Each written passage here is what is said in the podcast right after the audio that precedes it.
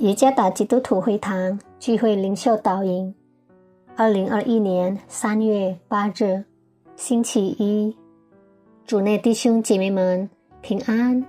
今天的领袖导引，我们会借着圣经《菲利比书》第二章第二节到第四节，第十二节到十八节，来细想今天的主题：认真做成得救的功夫。作者与热心牧师。菲利比书第二章第二节到第四节，你们就要意念相同，爱心相同，有一样的心思，有一样的意念，使我的喜乐可以满足。凡事不可结当，不可贪图虚浮的荣耀，只要存心谦卑，个人看别人比自己强。个人不要单顾自己的事，也要顾别人的事。菲利比书第二章第十二节到十八节。这样看来，我亲爱的弟兄，你们只是常顺服的，不但我在你们那里，就是我如今不在你们那里，更是顺服的。就当恐惧战尽，做成你们得救的功夫。因为你们立志行事，都是神在你们心里运行，为要成就他的美意。凡所行的，都不要发言言起争论，使你们无可指摘，诚实无伪。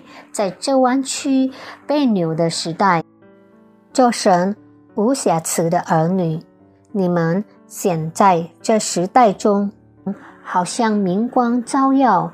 将生命的道表明出来，叫我在基督的日子好夸我没有空跑，也没有徒劳。我以你们的信心为贡献的职物，我若被浇奠在其上，也是喜乐，并且与你们众人一同喜乐。你们也要照样喜乐，并且与我一同喜乐。你说这话是认真的吗？一位牧师问你在病危中的企业家，他说：“是的，若我能痊愈，我将我的全部财产奉献给主使用。”过了不久，企业家的病好了，然而他的财产却没有奉献一丝一毫的给主使用。牧师再次的来见他，几问其他的承诺。先生，那时你说的话是认真的吗？对不起，牧师，那是我是在迷迷糊糊的状态中说的。他如此回答。许多人向基督立下诺言，但却没有认真实现它。我们既已从主领受了救恩，不可沉默。而无所作为。保罗劝勉腓利比会众，当存恐惧战尽，做成得救的功夫。意思是，服侍上帝要认真，不可马马虎虎的。当存恐惧战尽，做成得救的功夫，有两种方法：第一，建立与上帝及他人之间的关系。与上帝有正确的关系，将能推动我们去解决与他人之间不好的关系，和睦同居，同心合一，不发怨言及其争论，同时陷己身于使人迷惑的情欲中。